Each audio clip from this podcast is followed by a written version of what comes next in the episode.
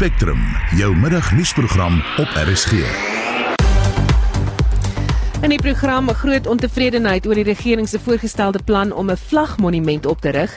Die sagte vrugtemark bars uit sy nate ten spyte van verskeie uitdagings en die gereelde uitbreking van back and close series onder die soeklig. Welkom by Spectrum regstreeks vanaf die Nampo Oesdag in Botawil. Ek is Susan Paxton. Goeiemiddag. Daar is geen verkeer. Op die N4 is die pad gesluit tussen Mayakaneng en Mooinooi as gevolg van 'n protesoptog wat daar aan die gang is. Verkeer word op die R104 herlei en dan op die N3 suid net vir die Gululies wisselaar is daar 'n voertuig wat daar staan. Die verkeer beweeg verby hom, maar dit maak uh, dinge ietwat stadiger daar. Sien nog verkeersnuus as jy het na 45889 SMS se kos R1.50.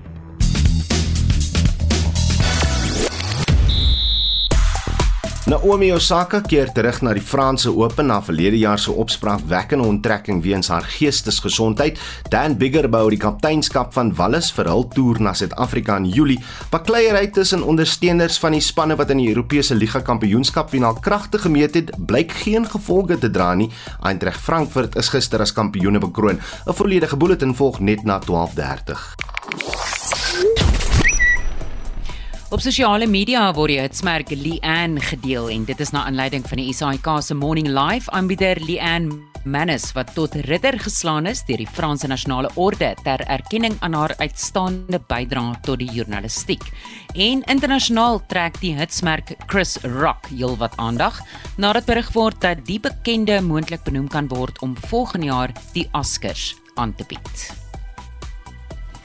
Ons brandpunt vraag vandag is jou voertuig al gesteel en watter veiligheidswenke het jy vir jou medemotoriste? Ander dinge as wat jy in jou motor het as 'n alarm. Stuur vir ons 'n SMS na 45889. Dit kos R1.50 per boodskap of praat saam op die Monitor en Spectrum Facebook bladsy. Jy kan ook van ons 'n stemnota vanaf ons Facebook bladsy stuur. Klik net die message knoppie bo aan die bladsy of gebruik Messenger om dit te doen. Of jy kan 'n stemnota stuur na 0765366961. 0765366961.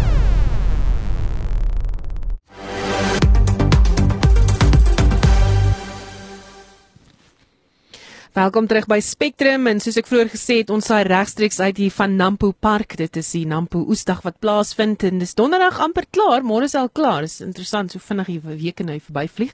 Maar eers um, in nasionale nuus, die minister van Sport, Kuns en Kultuur, Natim Tetwa, het opdrag gegee dat sy besluit om 'n reusagtige Suid-Afrikaanse vlag in die vorm van 'n monument op te rig, hersien moet word. Die vlag wat 100 meter hoog sal wees en in Vryheidspark in Pretoria opgerig sal word, sal die belastingbetaler 20 miljoen rand uit die sak jaag. Mtetwa se departement het vanoggend in 'n verklaring gesê hy is bewus van die openbare ontevredenheid oor die onkoste vir die monumentvlag. Ons praat nou oor die kwessie met Wannie Karstens, emeritus professor aan Noordwes Universiteit en navorsingsraadgewer vir die Afrikaanse Taalraad. Goeiemôre Wannie.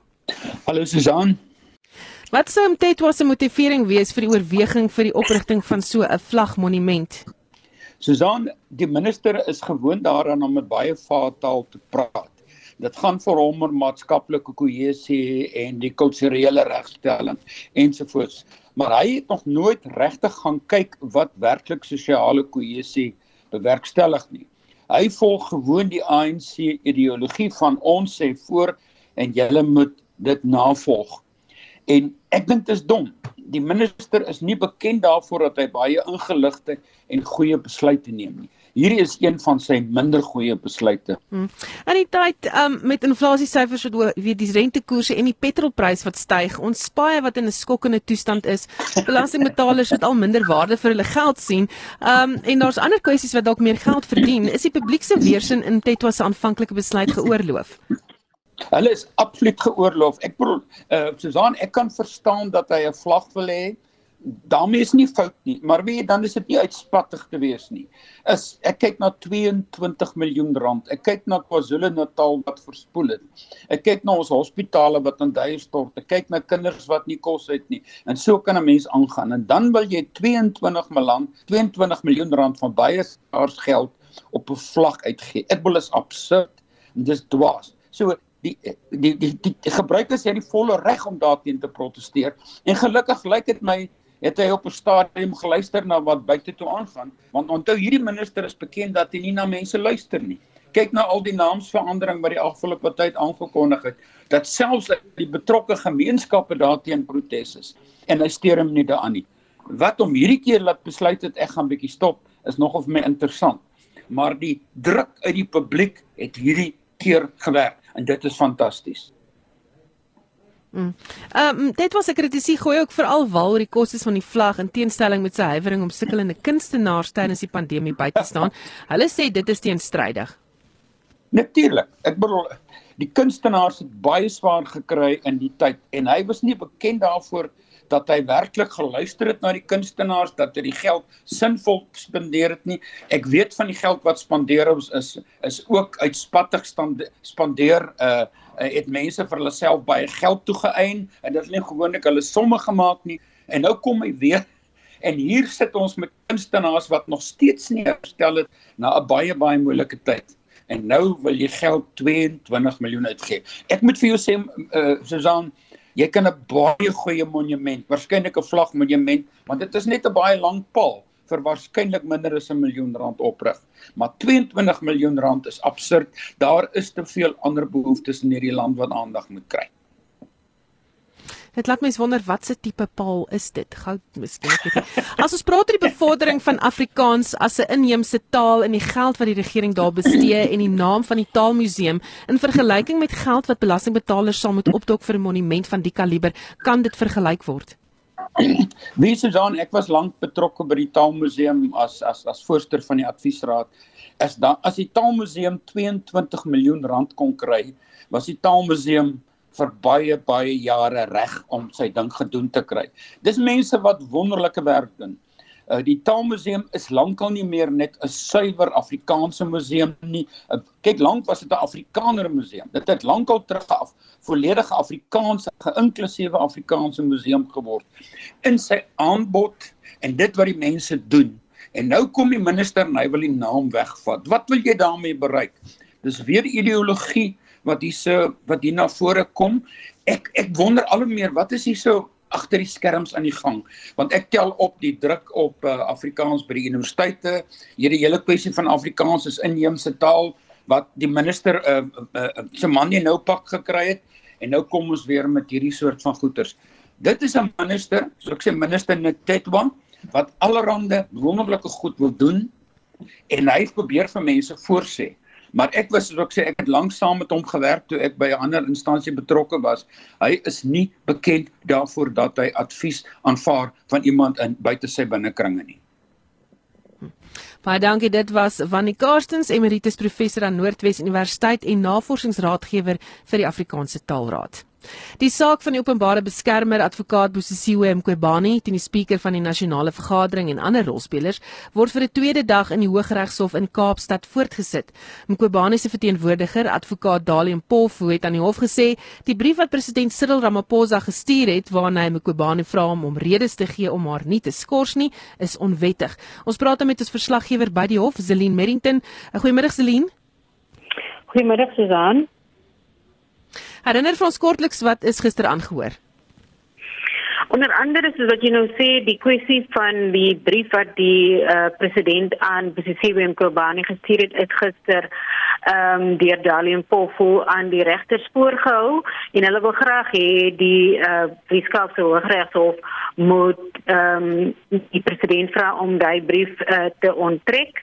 Ehm uh, net so uh, omtrent 10 minute gelede het die ehm um, die regsverteenwoordiger vir die presidentskap, uh, Karisha Pillay, um, sy is nou juist besig om uh, presies daai punt aan te spreek waar sy sê dat ehm um, eintlik is die president nie besig om ehm um, jy weet hy probeer om 'n regverdig ge ehm um, engagement te hê met uh, die openbare beskermer hy vir vra kyk gee vir my um, redes hoekom jy nie geskort moet word nie.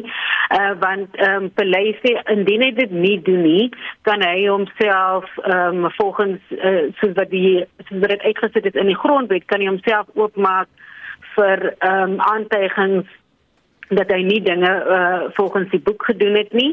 So sy is nou afgelope 10 minute is sy nou besig om die punt aan te voer. Dalian Pop het ook moet gister vir die hof gevra dat uh, die president hom eintlik heeltemal moet onttrek van ehm um, van die proses omdat hulle glo daar is konflik van belange. En ehm um, uh, vir die parlement uh, die regterverteenwoordiger vir die parlement vanoggend ehm um, was advokaat Andrew Breitenbach. Ehm um, Dalimpof het gister byvoorbeeld ook gesê dat ehm um, die parlement kyk hulle wil mos nou hê die die proses om ehm um, ehm um, Mqobani te ondersoek dat dit heeltemal afgelas word hangende 'n ondersoek na 'n SMS uh, wat uh, versprei is dat die uh, grondwetlike hof reeds 'n besluit geneem het oor ehm um, of die proses om maar te ondersoek moet voortgaan of nie. En Breitenberg, Andrew Breitenberg vir die parlement het vanoggend aangevoer dat die komitee wat op die been gebring is om Mqobane se bevoegdheid al dan nie te ondersoek het niks te doen met die SMS nie want ehm um, dit wat die komitee moet doen is glad nie eers geopper in die SMS nie so hy sê dat ehm um, self die ondersoek na wie agter die inligting hmm. sit wie agter die gelekte ehm um, uh, SMS sit dit gaan aan die einde van die proses nie die proses vorentoe vat nie en hy sê dit sal eintlik in Bosisiwe en Kobane se ehm um, in haar beste belange wees om voort te gaan met die proses sodat sy um, kan bewys dat sy is bevoeg en dit waarvan sy beskuldig word is nie waar nie. So hy hmm. sê dit hy verstaan nie hoekom sy die proses nou liewer wil ehm um, jy weet uh, stop wil sit nie want dit gaan niks doen vir haar reputasie nie. Ja. Baie dankie. Dit was ons uh, verslaggewer in Kaapstad, Zelin Merrington. Die pas aangestelde kanselier van Universiteit Stellenbosch regter Edwin Cameron sê die universiteitsgemeenskap verdien 'n instelling waar diskriminasie nie geduld word nie. Cameron is gister amptelik ingehuldig na sy verkiesing in 2019. Hy neem die leiersels op te midde van onrus op die kampus weens 'n beweerde rassevoorval vroeër die week. Bianca Olifant berig. Edwin Cameron is in 1953 in Pretoria gebore en het aan Pretoria Hoër Seunskool gematrikuleer. Hy het 'n DA regte en 'n honeursgraad in Latyn albei cum laude aan die Universiteit Stellenbosch verwerf. Hy het in die 1980s as 'n menseregte prokureur gewerk en is bekend daarvoor dat hy ANC-vegters verdedig het wat aangekla is van verraad, grondbesit en gedwonge verskywings. Cameron sê diskriminasie moet verwerp word. We feel ashamed, grieved, mortified at what has happened this week on campus, but it also renews our determination to do better, to make sure that we put in place processes and people and institutions on campus that make everyone feel safe and valued as a member of the Stellenbosch community. Gaste by die geleentheid sê Cameron het 'n leidende rol gespeel om menseregte te beskerm en te bevorder ondanks ras, klas of geloof. Die voormalige openbare beskermer, Tuli Mandonzela, is die voorsitter van die Regstrust fakulteit aan die Universiteit Stellenbosch.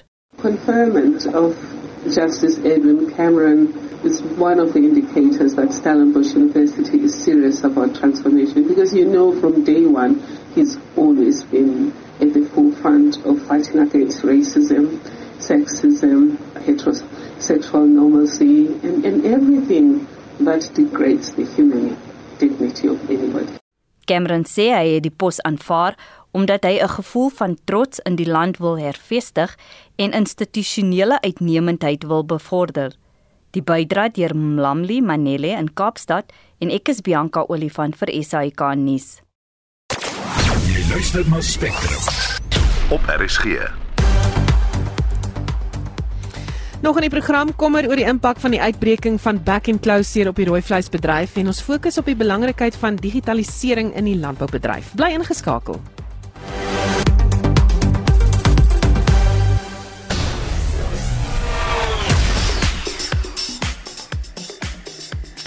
En is eh, soos daai liedjie vir ons aandui tyd vir sportnuus en as ek nou net kan kyk waar is die is Oudo Karelse van die jongste sportnuus. Ons begin met tennisnuus en die Japaneese ster en gewese wêreldnommer 1 Naomi Osaka het bekend gemaak dat sy wel deel sal neem aan die Franse Ope. Osaka het verlede jaar groot opspraak gemaak toe sy 'n boete opgelê is deur haar weiering om aan 'n media-konferensie deel te neem en toe later besluit het om uit die Grand Slam toernooi te onttrek ter wille van haar geestesgesondheid. Daar heers groot vrae oor haar fiksheid nadat sy verlede week onttrek het uit die Italiaanse Ope weens 'n hakskeenbesering. Sy is tans 38 30ste op die vroue wêreldranglys. Die Wallis rugby span sal in Julie maand deur loskakel Dan Bigger aangevoer word as kaptein. Die aankondiging is laat gister gemaak toe 'n 33 lid toergroep bekend gemaak is. Die span speel op 3de Julie teen die Bokke op Loftus, dan skuif die aksie 'n week later Bloemfontein toe en op die 16de Julie sluit die toer teen die wêreldkampioene in Kaapstad af. Bigger is as kaptein aangewys ten spyte van die insluiting van die legendariese Allan Wynne Jones. Bigger was natuurlik Wallis se kaptein gewees tydens die onlangse Ses Oasis Griex. In ander rugby nuus berig Sport24 eksklusief dat daar 'n moontlike skikking sal wees tussen SA Rugby en sy uitvoerende beampte Yuri Roo wat dan sy tyd by die instelling tot 'n einde sal bring. Dit is blykbaar die aanbeveling volgens die publikasie van 'n subkomitee wat op die been gebring is om Roo se skuldig bevindinge in 'n arbitrasieproses te beskou nadat hy as hooffinansiële beampte in sy tyd met die Universiteit Stellenbosch sonder enige magtiging 37 miljoen rand van die inrigting se geld in die Maties Rugby rugbyklub se rekening oorgeplaas het. Die algemene raad van SA Rugby vergader blykbaar vandag oor die aangeleentheid. En bakleiery tussen ondersteuners van twee spanne wat dit gisteraand uitgespook het om die Europese Liga Kampioenskap gaan geen gevolge dra nie. Ondersteuners van Bundesliga span Eintracht Frankfurt en Rangers van Skotland het ure voor die finaal in Sevilla, Spanje, slags geraak met mekaar in vuisgevegte wat op video's op sosiale media wyd versprei het. Die Duitse span Eintracht Frankfurt het uiteindelik die wedstryd beklink met strafdoele en het ook sodoende al eerste groot Europese trofee in 32 jaar ingepalm. In die Premier Liga is Chelsea reeds verseker van 'n plek in die Kampioenligga volgende seisoen, maar kan wel derde plek hul eie maak met 'n oorwinning vanaand teen Leicester City. Aston Villa is ook vanaand tuis teen Burnley, terwyl Everton dit sal uitspook teen Crystal Palace. Dit was kollega Ouda Karlse met die jongste sportnuus.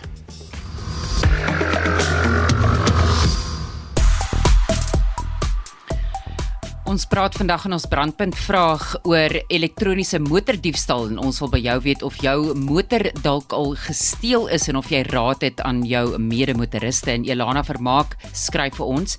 My uh Toyota Fortuner is 2 weke gelede gesteel in 'n Pretoria woonbuurt en diewe gebruik glo 'n piepklein toestel ingevoer uit China teen R600 tot R2000 volgens die assessor wat jou karsleutel se elektroniese data opneem of naboots binne 100 meter afstand van waar die voertuig sleutel of keyless remote gevind word en die toestel dien dan as die sleutel se plaasvervanger. Skakel hierdie keyless entry funksie af, so sê Elana. En Dion van der Merwe skryf: "My kar is al gesteel, maar die sleutel was binne-in en het geleier die motor seker dan nou omdat my hond binne in die motor was, maar is net straat afgevind met alles nog in plek." En Susan Amoral laat weet: "Ek het al twee voertuie geskenk. Ek het nie raad aan my medemotoriste nie." En Morney van der Berg sê: "Ons Mazdaetjie is jare gelede gesteel en is nooit weer teruggevind nie. My fiets is gesteel toe ek in die laerskool was en is nooit weer teruggevind nie." En dit laat 'n baie ongemaklike gevoel by 'n mens. So ek het geen ooghare vir diewe. Baie dankie vir jou saamgesels vanmiddag. Welkom terug by Spectrum regstreeks van Nampo Park af. Die sagte vrugtemark bars uit sy nate ten spyte van verskeie uitdagings weens 'n gebrek aan infrastruktuur van regeringskant af. By ons om hieroor te praat is Jaco Oosthuizen van die RSA groep. Goeiemiddag. Middag. Hoekom is die bedryf so 'n warm patat? Susan, ek dink die die konteks van voedselsekerheid is vir almal in Suid-Afrika belangrik, maar ook vir vir die mense in Suiderlike Afrika en en ek glo dat ons mark het geskuif en dat ons nie meer tradisioneel net voedsel, vars voedsel en vrugte aan Suider-Afrika aan Suid-Afrika verskaf nie, maar ook aan Suider-Afrika. En die verantwoordelikheid van voedselsekerheid raak al hoe groter en al hoe sterker um ons verantwoordelikheid. Hmm. Uh, bring die regering sy kant om julle te help? In terme van die regering se hulp op plaaslike regering vlak sou ek sê nee, definitief nie. En produsente in terme van die stelsel betaal 5% ad valorem kommissie aan staatsrade en daardie geld word definitief nie teruggeploeg binne in die bedryf en om die fasiliteite op standaard en selfs vir die toekoms voor te berei nie. Hmm.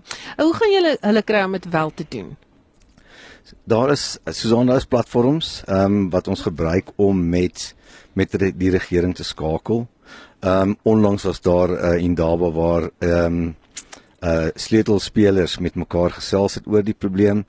Um, en ek dink daar's nog steeds 'n geleentheid vir vir privaat sektor en die staat om saam te werk. Maar ons is by die punt as soos die Engelse sê 'n tipping point en ek dink as daar nie daadwerklik um, werk gemaak word van 'n proses en om te om om om iets gedoen te kry nie, gaan die privaat sektor um, sy eie loop loop. Mm. Dan hawens, ons hoor baie van probleme by hawens. Hoe groot is daardie probleem? Die die probleem is is is daar is groot. En ek dink ons almal weet dat uh, dit 'n groot impak het veral op op uh, vrugte uitvoere en en dat maar daar is dit lyk vir ons asof daar baie goeie daar samewerking maar ons sit met 'n met 'n agterstand en ons sal baie hard moet werk om voor in die tou te kom om op tyd ons ons skepe gelaai te kry. Goed jy uh, nou nou verwys na markte. Waar lê ons markte tans? Ons markte op die huidige stadium in terme van die groot stedelike markte is ehm um, is is is in die moeilikheid in terme van instandhouding. So wat dit ehm um, dit dit lewer nog 'n uh, aanvaarbare diens, maar ons kan sien dat die kompeterendheid van die kanaal uh definitief um aan die aan die swaar kry is. Hmm. En uitdagings vir opkomende boere in hierdie bedryf? Ek dink uh roete tot die mark, ek dink paaie, vervoer en en en en uh toegangsroetes tot tot die mark kan vir opkomende boere uitdaging wees. Hmm. Maar dis opwindend, daar's groot groei, daar's baie positiewe dinge wat ook gaan gebeur. Definitief. Ja, sê. Baie dankie. Dit was Jaco Oosthuizen van RSA Groep wat gepraat het oor die sagte vrugtebedryf. Baie dankie. Die uitbreking van back and closure onder vee in Suid-Afrika is besig om die bedryf reg te knou. Die siekte word nie gekenmerk deur 'n hoë vrektekoers onder diere nie, maar die virus kan baie vinnig versprei en dit het weer 'n groot impak op vleisproduksie in die land. Ons praat nou met die waarnemende bestuurshoof van die nasionale opkomende rooi vleisprodusente organisasie, Dr. Florence Nerara Chakuda. Good afternoon. Welcome. Thank you very much. Welcome. Um, how big is the foot and mouth disease problem in South Africa? If it is affecting almost six provinces, then it means it's very big.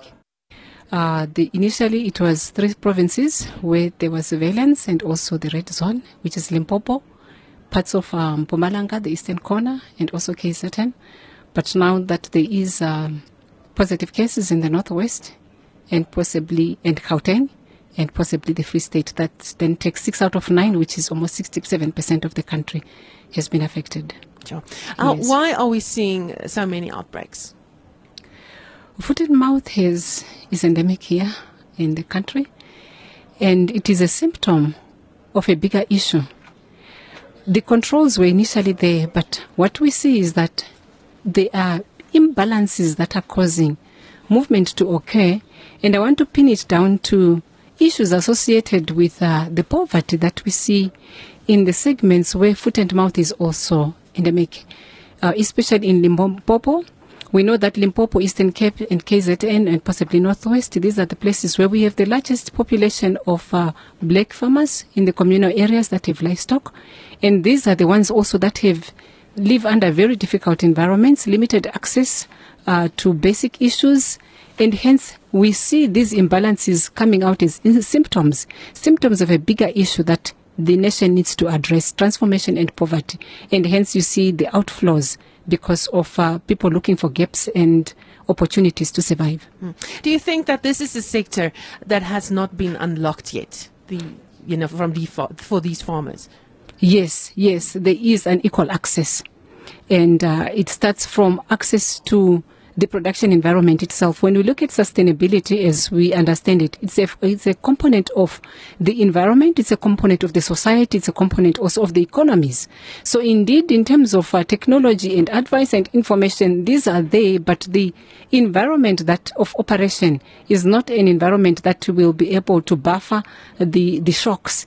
If there is a small shock in the health, then the whole system collapses.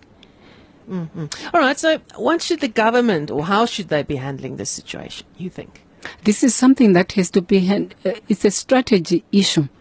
And we understand that transformation has been the call for over the past 30 years, 20 years. And now we have the uh, more global term, which is inclusiveness. So there should be serious uh, focus on transforming or inclusive growth in these particular environments where we need to unlock the big potential for livestock production because these are the people that have are sitting with almost 40%, 50% of the head in the country, and yet the development of infrastructure resources is very limited. So when we are going into this dispensation towards 2030, there is need for heavy investment into infrastructure and improving access to resources, education, health, and food security for people that are living in difficult conditions, people who live in poverty. We've got a, the biggest population in the country in that environment, and that's driving migration all over. Mm. Into the cities, peri-urban environments, and we see now um, foot and mouth in Gauteng, because there are peri-urban dwellers that have livestock, and th- there's movement all over. So putting in controls like compliance and layers and layers of control is not really addressing the issue, the basic issues of access to resources and access to markets. Mm. Now, as NIPRO, how are you empowering up and coming producers to protect their livestock? If I may get that again. How are you empowering the up and coming farmers to then protect their livestock and their livelihoods? At the moment, we're looking at information. This is information sharing, empowering them through the training and skills and being able to understand their industry better. But if we also understand the context that they may be empowered in understanding what to do, what not to do. But if the environment is such that there is no fences, there is no infrastructure to enable those cont- controls to come into place, then that cannot be effected. So it's just giving them the understanding, the context to say, yes, the animals will be sick. When you see it, what do you do next? So we have a lot of uh, campaigns, information um, dissemination with regards to say, what do you need to look out for? So this is just like reactive situations, but we need a bigger step to say, what are the controls in terms of quarantine? What are the infrastructure? What are the resources that are needed to be able to have these farmers operating where disease management is properly instituted. Thank you so much for time. I know it's a busy time here on Nampi. You have to be everywhere, but um, thank you so much for joining us. Pleasure. Dit was die waarnemende bestuurshoof van die nasionale opkomende rooi vleisprodusente organisasie Dr Florence Nerera Chakuda. Ons bly by die kwessie en vir 'n ekonomiese blik praat ons nou met 'n senior ekonom by Absa Agribusiness Dr Marlene Lou. Welkom hierso Marlene. Baie dankie, dankie vir die geleentheid. Nou daar's heelwat gesprekke om hierdie kwessie of rondom die kwessie van back and closure wat kort kort kop uitsteek in die land. Watter ekonomiese implikasies hou dit vir ons land in of kan dit potensiaal inhou? Ehm um, dit is 'n baie goeie vraag. Ek dink op 'n makro-ekonomiese ehm um, as ons so 'n blik vat dan dan eh, speel die lewende hawe industrie 'n ba baie groot rol in ehm um, spesifiek as ons na ehm um, die beesindustrie kyk of die rooi vleisindustrie, ehm um, is dit soos uit die vorige gesprek duidelik dat dit ehm um, 'n groot geleentheid bied vir mense uit armoede uit en ook om om voedselsekuriteit te vestig. So o, o, ons moet almal saamwerk en en hieroor dink. Ehm um, ons ons sien dat ehm um, as gevolg van back and claw ons sekere markte wel ehm um, verloor het of uh, toegemaak het. Ehm um, die Chinese het uh, ek dink in Maart gesê ons kan nie meer sien toe uitvoer nie. Ehm um, dit sit dan natuurlik druk op plaaslike pryse wat nog nie 'n noemenswaardige effek gewys het nie, maar maar ehm, 'n um, effek het op die groei van die industrie en die die die groei van die groter landbouindustrie. Ehm um, so dit is definitief iets wat almal raak van klein tot groot en en en die effek van dit in die waardeketting spoel ook ook dan natuurlik oor. So so ons reputasie is op die spel. Natuurlik. Hmm. Goed, ehm um, daar jy weet ons daar's daar's heelwat gesprekke hieroor in in die prys van rooi vleis um, word ook dan nou bepaal deur deur ander dinge, reg? Ander ja. faktore wat ons moet in gedagte hou. Ja, so daar's twee markte wat krities is as ons um, na rooi vleis kyk. Ek dink die een is die speenkallerprys. So daar het um, ons gesien Back and Claw het 'n bietjie van 'n prys impak gehad. Ehm um, tipies in die tweede kwartaal van die jaar sien ons dat speenkallerpryse bietjie afkom en ek dink die Back and Claw uitbrake in Maart het het verdere druk toegepas. En dan ehm um, natuurlik die hoë graanpryse wat ons sien. Ehm um, uh affekteer ook die vraag na speenkalvers wat die wat die pryse bietjie onder druk sit. En tipies sien ons dat hierdie pryse sal versterk soos die jaar aangaan, maar ek dink hierdie jaar is daai hoë graanpryse iets wat definitief bietjie 'n demper op prysgroei sal sal sit. Dan aan die ander kant um, is natuurlik die karkaspryse. Daar sien ons dat pryse nog redelik sterk is. Um bo R60 'n kilogram vir A2 A3B's en weer eens is is die graanpryse um 'n groot drywer daar. Ons sien dat die slagsyfers baie afgeneem het en dit is omdat dit so duur is om die die diere te voer en en en, en deur die ketting te kry. So as ons nou praat oor die belangrikheid van digitalisering in die landboubedryf, watter ekonomiese voordele hou dit vir boere in? Um baie ekonomiese voordele. Uh ons is baie opgewonde um as 'n finansiële diensverskaffer vir die geleenthede wat digitalisering bied om jou risiko te bestuur en te beperk. Um daar is natuurlik ek meen data is die spil waarom alles draai as ons as ons oor dit praat en ek dink die groot uitdaging is hoe ons oor data moet dink en dit moet uitruil en en en hoe verskillende rolspelers um bymekaar kan baat. So ek uh, ons toekomsplanne sluit in om goed so satelliet tegnologie te gebruik om te sien hoe iemand se oes vorder um en dat jy oor tyd 'n uh, indruk kan kry van hoe werk sy produksiepraktyke, wat is sy risiko's, wat is sy geleenthede. En ek dink hierdie tipe goed laat ons ook toe om met derde partye hulle data te gebruik en dit te versoen en op die einde 'n 'n beter diens vir ons kliënte te lewer. So Maar as mense hoor digitalisering en hulle hoor data, dan sê hulle soos, "O, oh, ek deel nie my persoonlike inligting nie." Is dit iets waaroor boere bekommerd moet wees? Dit is definitief 'n uitdaging. Ek dink van albei kante af om verantwoordelik met data om te gaan. En en ek dink nie daar is al 'n duidelike padkaart van hoe dit moet werk nie. Uh maar dis definitief iets waaroor ons dink en ons gesels graag met mense oor waarmee is hulle gemaklik en en hoe hoe moet ons die pad vorentoe vat? Is daar baie mense wat daaraan belangstel? in digitalisering? Ek dink so. Ek dink so ek dink as ehm um, digitalisering is 'n of 'n abstrakte konsep tot jy sien hoe die goed bymekaar kan kom en wat die voordele daarvan kan kan wees. Ehm um, so ek dink die uitdaging is om om te wys hoe voeg mens waarde toe deur digitalisering. Dat dit nie maar net bloot mens moet die vooruitgang sien wat daarmee saamgaan. Nog ietsie op ekonomiese front wat gebeur vandag is die rentekoers word later vanmiddag aangekondig. Daar's diegene wat meen dit gaan styg tussen 25 en 50 basispunte. Wat dink jy wat jou voorspelling? So my verwagting is ook 50 basispunte. Ek dink ehm um, aanvanklik was die marksentiment net 25 basispunte, maar gegee wat in Amerika gebeur het vroeër die maand, ehm um, het die Reservebank nie baie ruimte vir speling nie. Ek dink om ons um om die rand te beskerm dat hy nie baie verswak nie of of of dat hy of in in pas bly met wat met die dollar gebeur. Um dink ek 'n uh, uh, 50 basispunte uh verhoging is in die kaarte. Baie dankie. Dit was 'n senior ekonom by Absa Agribusiness Dr. Marlene Lou wat met ons gepraat het. Ons keer terug na digitalisering en die landbousektor. Dis juist een van die gesprekke hier by Nampo se nasie gesprekreeks en by ons in die ateljee is die hoof van kliënteervaring en interaksie vir die Awareness Company, Stel Libbe. Goeiemôre Stel. Goeiemôre. Nou, wat doen julle presies? Ehm um, so ons vertel stories met jou data sodat jy so vinnig as moontlik besluite kan neem en so jou landbou besigheid so effektief as moontlik kan bedryf. Oh, dis mooi gestel. Data word beskou as die kommoditeit van die toekoms val in landbou. Verduidelik vir ons daai konsep. Ek dink dit ehm um, dit word al hoe meer en meer verstaan dat dit 'n uh, 'n kommoditeit gaan word want jy um, gaan soveel waarde uit dit uitkry en ek dink ons sien al klaar dat baie boere begin verstaan en ek en die en die waarde sien daagliks.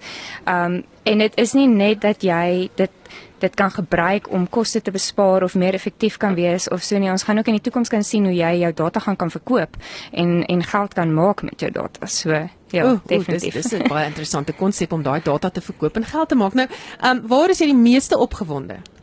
Ek dink is die meeste opgewonde uh oor die feit dat die tegnologie wat eens net ietsie was wat groot besighede kon gebruik het, nou beskikbaar is vir enige iemand. Um ons werk self met klein klein boere wat nou um die nuutste tegnologie gaan gebruik en en uh toegang het tot goeder soos uh, artificial intelligence wat nooit moontlik was voorheen nie. O, oh, daar is verskeie boere wat sal sê digitalisering is te gekompliseer, dit is nie vir my nie. Is dit so gekompliseer? Glad nie. Ons het kliënte wat nie eers kan lees nie. Ehm um, of werkers wat nie eers kan lees nie wat vorms invul, foto's in uh of foto's neem en en data genereer vir hulle verskaffers of vir, uh, vir hulle base. So ehm um, my opinie is altyd as daai werkers kan data genereer, dan het jy nie 'n verskoning om nie te digitaliseer nie en jy verrarig nie bang te wees nie. Ehm um, dit kan net tot voordeel wees vir jou enige raad aan voornemende gebruikers waar moet hulle begin? Ek dink uh, ons sê altyd stap 1 is maak seker jy het eh, 'n uh, netwerk opvangs en jy het internet. Um ongelukkig is daar nog baie plase wat nie dit het nie, maar daar is baie baie um uh diensverskaffers wat daarmee help teesta. Ehm um, stap 2 is om te probeer identifiseer wat is wat is regtig jou pynpunte en waar wil jy begin digitaliseer? Miskien wat doen jy op hierdie stadium op papier? Ehm um, waaraan dink jy daagliks? Wat is daai ondervinding waar as ek sê altyd as 'n bus môre oor jou ry, ehm um, wat bietjie erg is, maar as 'n bus môre oor jou ry, wat is daai goeters wat eintlik jy graag sou wou gehad het jou die mense wat saam jou werk moet weet om jou besluite te neem en dit is die miskien miskien stap nommer 1, punt nommer 1 wat jy moet digitaliseer, ja. Baie dankie. Dit was die hoof van die kliënte ervaring en interaksie vir the Awareness Company, Estel Libbe wat gepraat het oor digitalisering in die landbousektor. Nou iemand wat al 10 jaar na Nampo toe kom is uh, die professor in praktyk aan die College van Besigheid en Ekonomie aan die Universiteit van Johannesburg, Theo Venter. Jy is weer hier hierdie jaar. Ons praat met jou middag. Goeiemiddag, maar ek het daarom net van Potchefstroom gery tot hier. Ek het daarom nie van Johannesburg af gery nie. Ja, dis mos so nie. Ehm um, is dinge vir jou anders die jaar na 2 jaar se afwesigheid van Nampo weens die pandemie? Ja, ek dink is beslis anders. Die die mense is uh, entoesiasties, hulle kuier. Ehm um, die aantal helikopters, vliegtye en motors is is omvangryk. As 'n mens hiernatoe ry, dan is die verkeer swaar. So ja, ek dink hier's 'n hier's 'n hier's 'n lewendigheid en uh, ek dink dit is soos met 'n hele klomp ander goed wat die eerste keer gebeur het na Covid. Die mense het 'n behoefte om weer vir mekaar te sien en so ding by te woon en daar het baie ontwikkelinge in landbou plaasgevind oor die laaste 2 jaar en hierdie is eintlik die eerste geleentheid waar mense die geleentheid het om oor baie van die goed te praat. As mens nou net aan een ding dink in die afgelope 2 jaar het die hele kwessie van grondhervorming eintlik tot 'n uh, konstitusionele einde gekom in die in die parlement en ons het daai besprekings gehou hier tot vervelings toe vir jare. Dis nie vanjaar glad nie op die nie. op die sakelys nie. Um hoe belangrik is 'n skou soos die vir die landbousektor en landbou sake dan? Ek dink dit is baie belangrik en ons moet onthou dat dit is ehm uh, skou hoofsaaklik in die noordelike dele van die land. Daar is ook ehm um, 'n soortgelyke skou in die in die Suid-Kaap ehm um, wat wat plaasvind wat ook belangriker word ehm um, so aan maar hierdie is 'n uitstalgeleentheid, hierdie is 'n gespreksgeleentheid, hierdie is 'n ontmoetingsgeleentheid. Hierdie is 'n plek waar ehm um, vee geskou word en waar nuwe tegnologie gedemonstreer word soos wat ons sopas gehoor het oor die digitisering van landbou. Ehm um, dit is oralster of dit nou is mense wat ehm um, plant met uh, met uh, hoë tegnologie en of dit mense is wat hulle hulle databasisse vir hulle vee daarop doen of wat ook al en of dit ouens is wat bemarking doen daardeur. Ehm um, dit het 'n groot rol gespeel. Hmm. Dan een van die brandpunte hier is hierdie meesterplan waarvan almal praat. En ons het nou gister gehoor wat TLSA en AgriSA se standpunte is oor hierdie meesterplan, maar hoe belangrik is so 'n plan vir hierdie sektor? Kom ek gee net so een treukie terug. Die die motorsektor is 'n baie belangrike sektor in die vervaardigingssektor in Suid-Afrika en ehm um, ons het verskillende fabrieke wat verskillende produkte maak en sommige uh, van die motorhandelaars voer uit en so meer, maar om alles in een prentjie te kry, het hulle begin met 'n meesterplan vir vir ehm um, die hele kwessie van die motorhandel. Rolf Meyer, oorlede Johan van Sail, die is almal manne wat 'n groot rol daarin gespeel het. En op grond van daai model om 'n meesterplan te hê. Met ander woorde, wat gaan die private sektor doen? Wat gaan die regering doen en hoe gaan dit in mekaar steek en wie gaan mekaar waar help? Is 'n baie belangrike ding.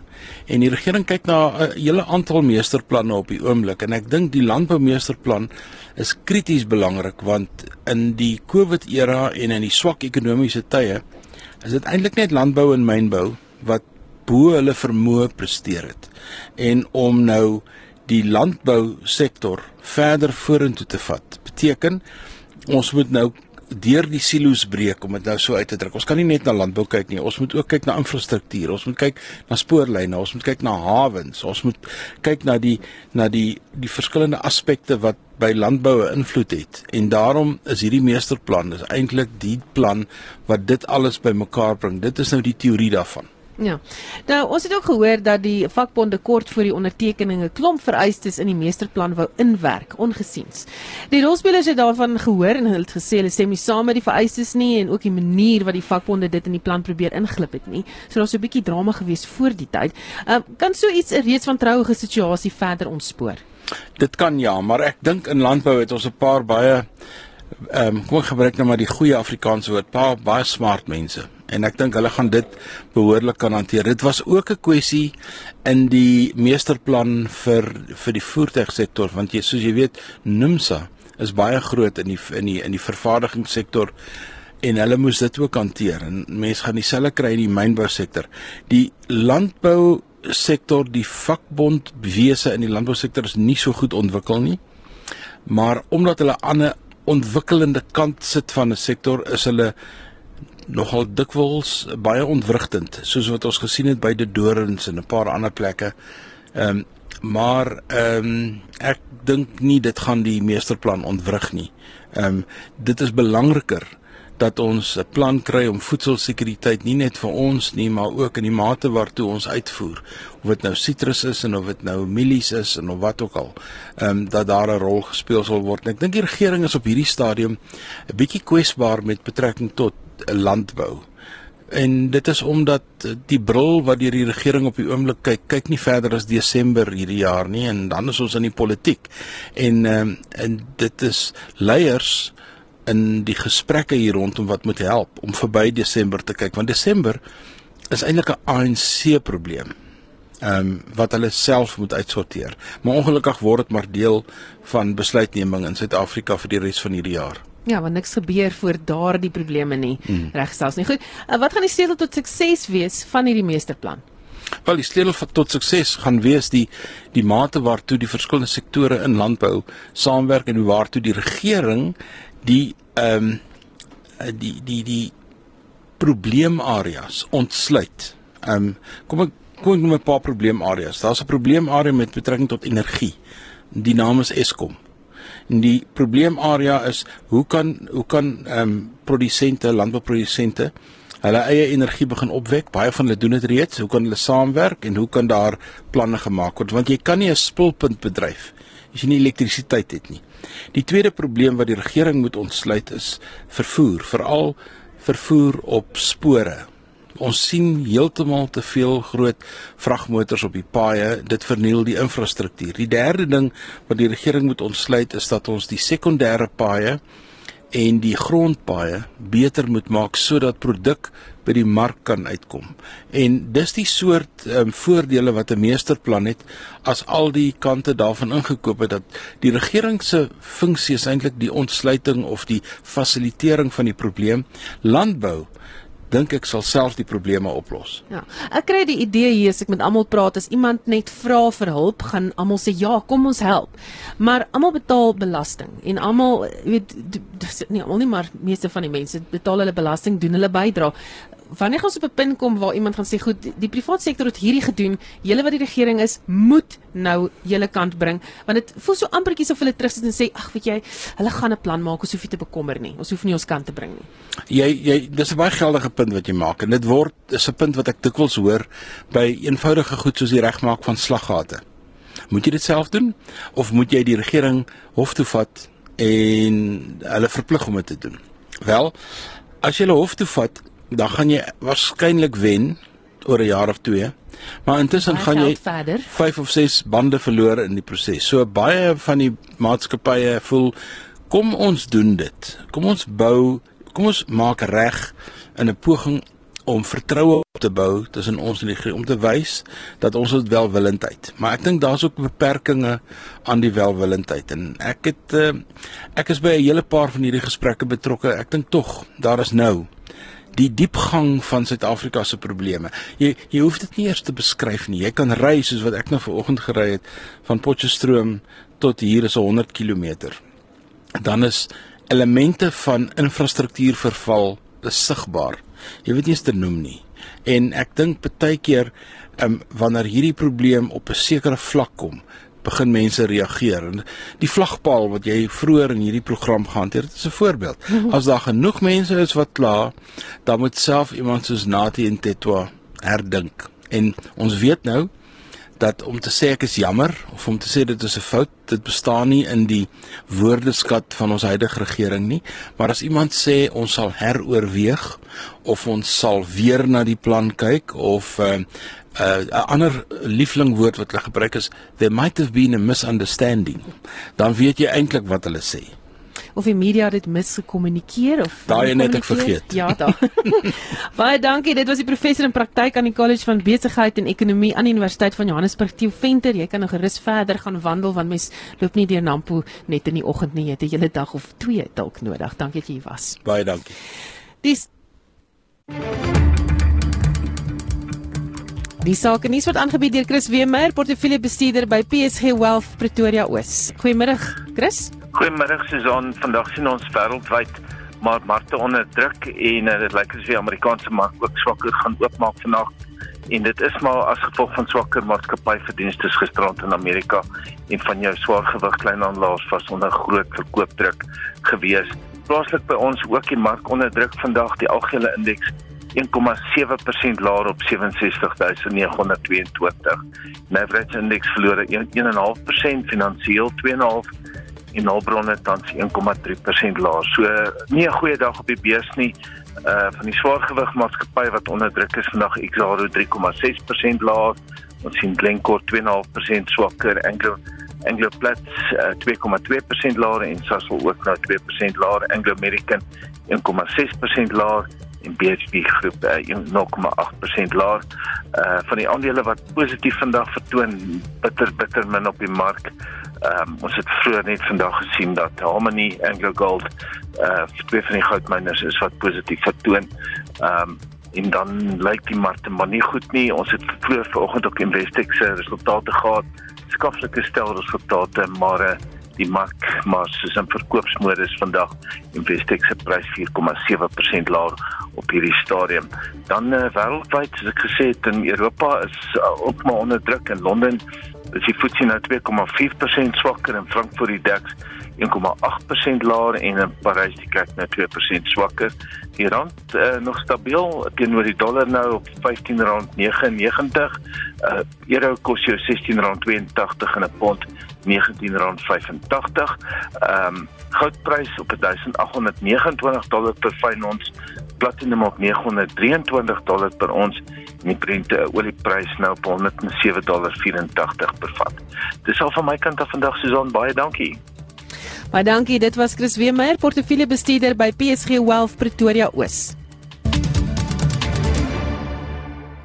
En ons groet hier vanaf die Nampo Oosdag in Botawil in die Vrystaat waar ons die week uitsaai skakel môreoggend in op monitor tussen 6 en 7 vir meer landbou sake.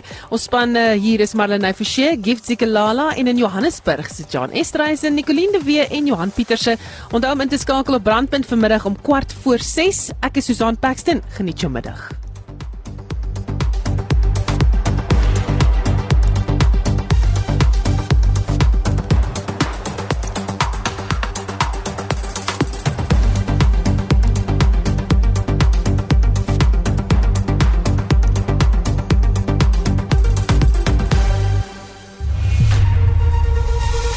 SAK nuus.